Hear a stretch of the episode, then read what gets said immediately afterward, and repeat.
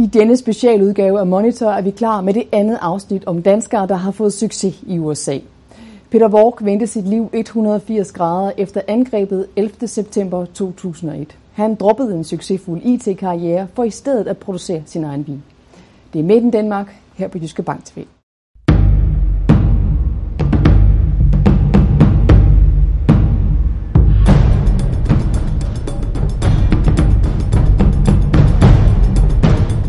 Vi er i dag taget på besøg hos danske Peter Walk og hans amerikanske kone Rebecca i Santa Rita Hills, der ligger lige nord for Santa Barbara i Kalifornien. Ægteparet Walk har siden 2004 høstet vin på deres 82 hektar store ranch Ampelos.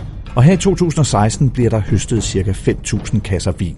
På overfladen ligner Peter Walk en vaskeægte vinbonde, der aldrig har lavet andet hele livet. Og Ampellos ligner også mange andre vingårde, ikke bare i USA, men over hele verden. Men parret Walk skiller sig ud, både med deres baggrund og deres filosofi i forhold til den vin, de producerer, og den virksomhed, de driver. Det, det drejer sig om for os, det er ikke at lave det så billigt som muligt.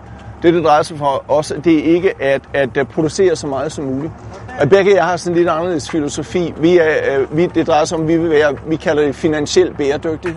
Så først og fremmest så drejer det sig om kvalitet. Det drejer sig om hele tiden i løbet af året at tænke på kvaliteten af de druer, som vi plukker sådan morgen. At de druer, de bliver så gode som overhovedet muligt. For dem der derhjemme, der, der går ned og køber tre for en hund i brusen, det er ikke den type vin, vi laver her. Det koster os i løbet af et år, når vi henter de her druer ind, så har vi brugt et sted mellem 8 til 10 dollar per flaske i ren og skær land, landbrugsomkostninger. Og det er klart, det gør også, at vinen ligger lidt højere i pris, når den endelig når frem til forbrugerne. Men igen, formålet det er simpelthen at sørge for, at de drueklasser, de bare er så perfekte som muligt, som her til morgen, når vi plukker dem. Er det en fordel at være økologisk, biodynamisk og bæredygtig? Er der flere penge i det? Der er absolut ikke flere penge i det. Tværtimod, det koster mere at køre det på den her måde. Peters interesse for vin har han arvet fra sin far, og drømmen om at dyrke sin egen vin kom med tiden. Til at starte med var planen at gøre det som hobby. I 99, der har vi så, øh, vi går fra et firma til et andet firma, og der har vi så lidt aktieoptionspenge. Nogle penge, vi kunne bruge til at investere. Og der var det, vi så snakke om, hvad med at købe et stykke jord? Og hvad med at et stykke jord et eller andet sted, hvor vi måske en dag kunne plante nogle vinstokke? Der er jo en forskel på at gå og dyrke lidt vin til sig selv, og så lige pludselig være forhandlende i det med 5.000 kasser om året. Det er jo ikke en hobby. Nej, men altså tingene tager lidt overhånd i vores liv en gang, men du, så går den sådan lidt ud af balance. Da vi begyndte at kigge os om efter et stykke jord, der tænkte vi, ah, måske en 10 acres eller 20 acres, det er sådan cirka en tynd land per acre. Og før vi vidste af det, så havde vi købt 82 acres eller 33 hektar. Og okay, lad os plante lidt druer, ikke? men altså, man skal alligevel købe en traktor, og du skal alligevel købe en sprøjter, du skal købe forskellige udstyr. Ikke? Så kan, det, det der med at plante en 2, 3, 4, 5 acres, det kan ligesom ikke betale sig. Så når man først er i gang, så kan du lige så godt plante lidt mere. Det blev så til 15 acres af 18.000 vinstokke, vi startede med. Ikke? Og da vi så begyndte at lave vores spreadsheets frem og tilbage med, hvor mange druer kan vi få ud af en acre, hvor mange flasker kan vi lave osv., der kunne vi godt se, at hvis vi skal have det her til at hænge sammen, og det skal faktisk blive til vores job på et eller andet tidspunkt, jamen så skal vi have plantet lidt mere. Og det er jo derfor, at de her sektioner, vi har rundt omkring os her, de blev så plantet i 2004, som er årsagen til, at vi i dag har cirka 46.000 vinstok alt i alt. Og vinstok laver en flaske. Så det er sådan en god måde, ja, måde at måle det på ikke fremover. Når man ser så en vinstok, så kan man sige, den laver en flaske, den laver en flaske, den laver en flaske. Du har også sat nummerplader på nogle af dem. Ja, jeg er jo et gammel IT-mand for ingenting, så, så det er klart, at alt det ligger i spreadsheets. Ikke? Så jeg ved, hvor mange vinstokke der er i hver eneste række, og hvor, hvad det er for type vinstokke. Det vi har her, så 46.000 vinstokke, plantet med Pinot Noir, Soir, lidt Grenache, en lille smule Viognier, en lille smule Riesling. Så det er alt sammen ligger i et katalog. Nu vil gå rundt og kigge på alle dem her. Jeg ved, et eller andet sted skal der jo stå Kurt Russell. Jamen, det gør der. Det, øh, hvor er det? Kurt? Er det? vi blev introduceret til Kurt for en otte år siden er det nu, hvor han så spurgte os, om vi ikke kunne lave lidt vin til ham. Så det begyndte vi med, og vi er efterhånden nået op på 1500 kasser vin, som vi lavede. Han var lige for 14 dage siden, hvor vi lavede hans blanding af 2014 Pinot Noir den fik vi lavet. Det tog cirka en dag, hvor Rebecca og ham og jeg, vi smagte på forskellige blandinger frem og tilbage, og så endte med at have en vis blanding af den her, som er klon 77 og klon 667 og klon 2A og hvad ellers der skal med til det.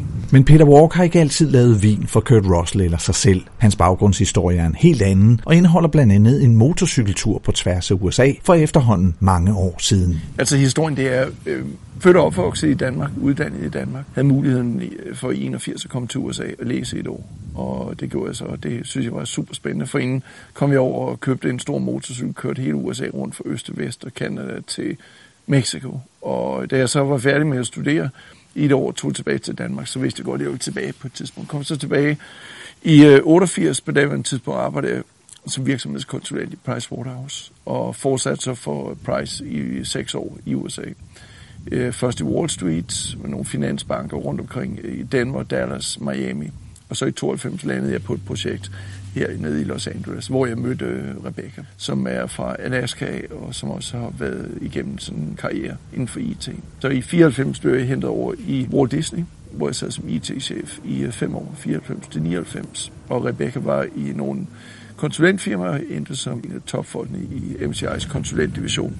Og så i 99, så synes vi, at det kunne være sjovt at arbejde sammen igen. Så der startede vi så sammen med seks af vores venner et firma op forbundet til outsourcing af HR-afdelingen, altså personalfunktionen. Det var sådan et nyt koncept, som vi startede op med firmaet Exolt, det tog en rasende start. Det blev simpelthen fra otte kammerater med en god idé.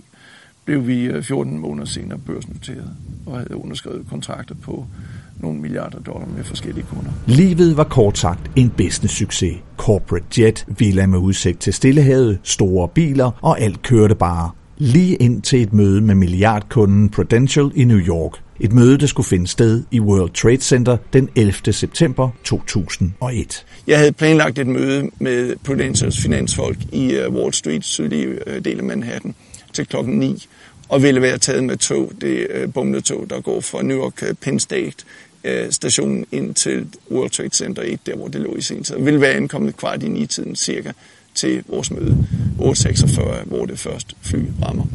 Dagen for indringer min sekretær til mig, da vi er på vej til lufthavnen, og fortæller mig, at mødet var blevet aflyst. Så jeg tog aldrig med det tog den morgen, det er jeg naturligvis glad for, at jeg ikke kom derind til. Vi er så på kontoret og bliver kaldt op i konferencerummet og kigger på den store skærm og ser, hvad der så sker. Og det er en blå himmel, ligesom det er her i dag, og så pludselig kan vi se det ude i horisonten, hvor man har Manhattan.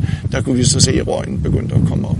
Og vi var så godt klar over, at vi må ellers se at komme hjem til Los Angeles så snart som vi kan. Det tog så nogle dage. Lander i Los Angeles lørdag eftermiddag og kører så herop hvor vi blot havde en gammel campingvogn, som vi brugte weekenderne i. Og der brugte vi så nogle dage heroppe med at gå og nogle ture og snakke lidt om tingene. Og der var det, vi besluttede os til, at så kan livet alligevel nogle gange blive lidt for kort. At øh, det var tæt på. Og der var det, vi så sagde, hvorfor øh, bliver vi med med at køre i det her job, som vi alligevel ikke er så glade for. Vi ved godt, vores paradis det er, når vi kommer kørende herned fredag eftermiddag sammen med Barkus, og lover, hælderne de lover på os alle tre, fordi vi er glade for at komme herop. Det er vores højdepunkt, det er weekenderne, hvor vi var heroppe på ranchen. Så der var det, vi besluttede os til, at det er tid til at sadle om. Hvad er forskellen på det liv, som I havde før 2001, og det liv, du har her i 2016? Og det er på en eller anden måde, så er det nat og dag. På den anden side set, jeg har altid godt kunne lide min job. Jeg har aldrig haft et job, jeg ikke kunne lide. Det her, det holder jeg også meget af. Men det er et øh, noget anderledes job. Det er anderledes af øh, forskellige årsager. Det ene, det er, at du laver et, et produkt, som du kan stå bagved. Du laver et produkt, som vil kunne være her i lang tid. Selv den dag, når Rebecca og jeg, vi ikke er her længere, så vil der forhåbentlig stadigvæk være mange, der vil nyde vores produkter. Du laver et produkt, som er en del af et socialt samvær. Man kan jo ikke forestille sig at have en en fødselsdag eller jubilæum eller et bryllup, hvor der ikke serveres vin på bordet. Og det sker også ofte, at der er nogen, der kontakter os, de skal bruge vores vin, eller de sender os billederne bagefter juleaften. Ikke? Så det er et meget meningsfyldt projekt, vi er i gang med. Det er et meningsfyldt produkt, som vi laver. Når man så samtidig kan lave det på den rigtige måde, hvor man følger nogle gode principper inden for økologi, biodynamik, bæredygtighed osv., så er det virkelig noget, som, som vi kan stå bag, det som vi går og laver. Der er ingen tvivl om, at øh, den drøm, som Rebecca og dig har gjort til virkelighed, det er også en drøm, som andre har, også andre danskere har. Hvis nu sidder nogen og ser det her og tænker, at det kunne være fantastisk at åbne en lille vingård. Nu behøver det ikke at være på 82 hektar jord, det er slet ikke det, men mindre kan også gøre det. Hvad vil du give dem af råd? Jo, men øh, det første, jeg vil gøre, det er, at jeg vil gøre alt for at afskrække dem for at gøre det. Fordi hvis jeg ikke kan afskrække dem, fordi de stadigvæk vil gøre det, så har de i hvert fald en rigtig filosofi bagved sig. Det næste, jeg vil gøre, det er, at man skal planlægge tingene ordentligt fra starten af. Nok endnu bedre, end hvad vi havde gjort. Altså hvis man, skal, hvis man vil plante et eller andet, så skal man ikke bare plante, fordi man har et godt stykke jord, og man godt kan lide at være der, og så planter man druer. Man skal undersøge tingene, jord og vind og vejr og vand og så videre. hvad naboerne de går og laver, om det er noget, man kan lide. Man skal ikke bare købe et stykke jord og plante nogle vinstokke. Og så skal man tænke det ordentligt igennem. Det drejer sig jo ikke bare om at være landmand og få nogle vinstokke til at gro. Det drejer sig ikke kun om at høste, det drejer sig ikke kun om at lave vin. På et eller andet tidspunkt skal det også sælges. Kan man sælge? Det kunne vi ikke, da vi startede det her. Der har vi måttet lære en enorm masse for at finde ud af, hvordan sælger man, hvordan laver man noget markedsføring. Det skal man også være god til. Og så skal du være klar til nogle gange at sige, jeg havde sgu ikke regnet med, at det her det ville være så svært. Rulle små ærmerne op, og det er knaldhårdt arbejde. Men øh, hvis jeg stadigvæk ikke kan afskrække dem, så vil jeg hjælpe dem og sige, bare om at komme i gang.